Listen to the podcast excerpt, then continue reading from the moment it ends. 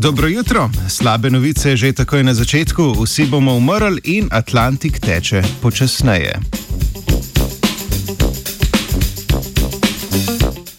Evropski znanstveniki in znanstvenice v članku, objavljenem v reviji Nature Geoscience, pišejo o tisočletni zgodovini Atlantskega meridionalnega povratnega kroženja.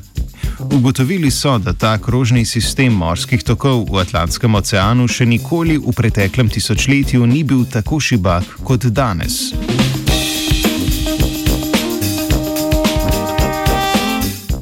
Da si lažje predstavljamo pomen te zaskrbljujoče novice, si oglejmo zemljevid Norveške in juga Grenlandije. Ozemlji sta približno enako oddaljeni od ekvatorja, vendar je, vendar je Norveška zelena in hribovita, Grenlandija pa bela in ledena. Razlog za tako pisan zemljevid je kroženje morskih tokov, to pa je odvisno od temperatur in slanosti morske vode.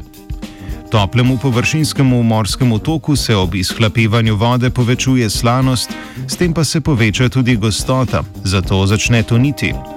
Na morskem dnu se ta voda ohladi in ustvari se hladen globinski morski tok.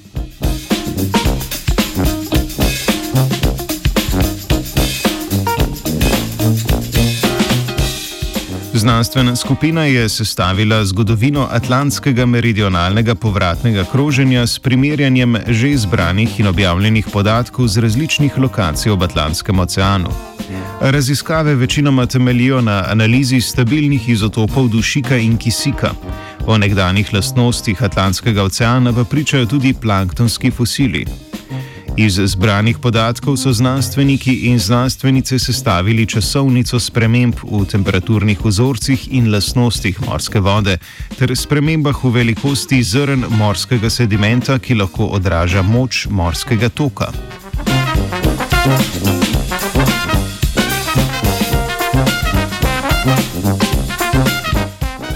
Primerjava podatkov je pokazala jasno sliko, da kroženje morskih tokov v Atlantskem oceanu postopoma peša.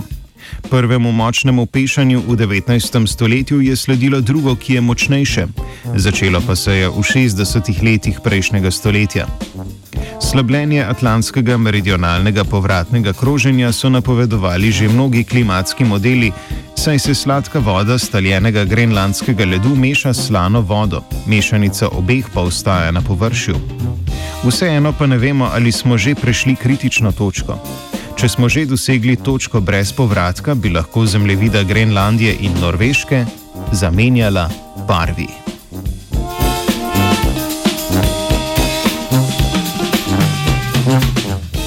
Tekla je Leja.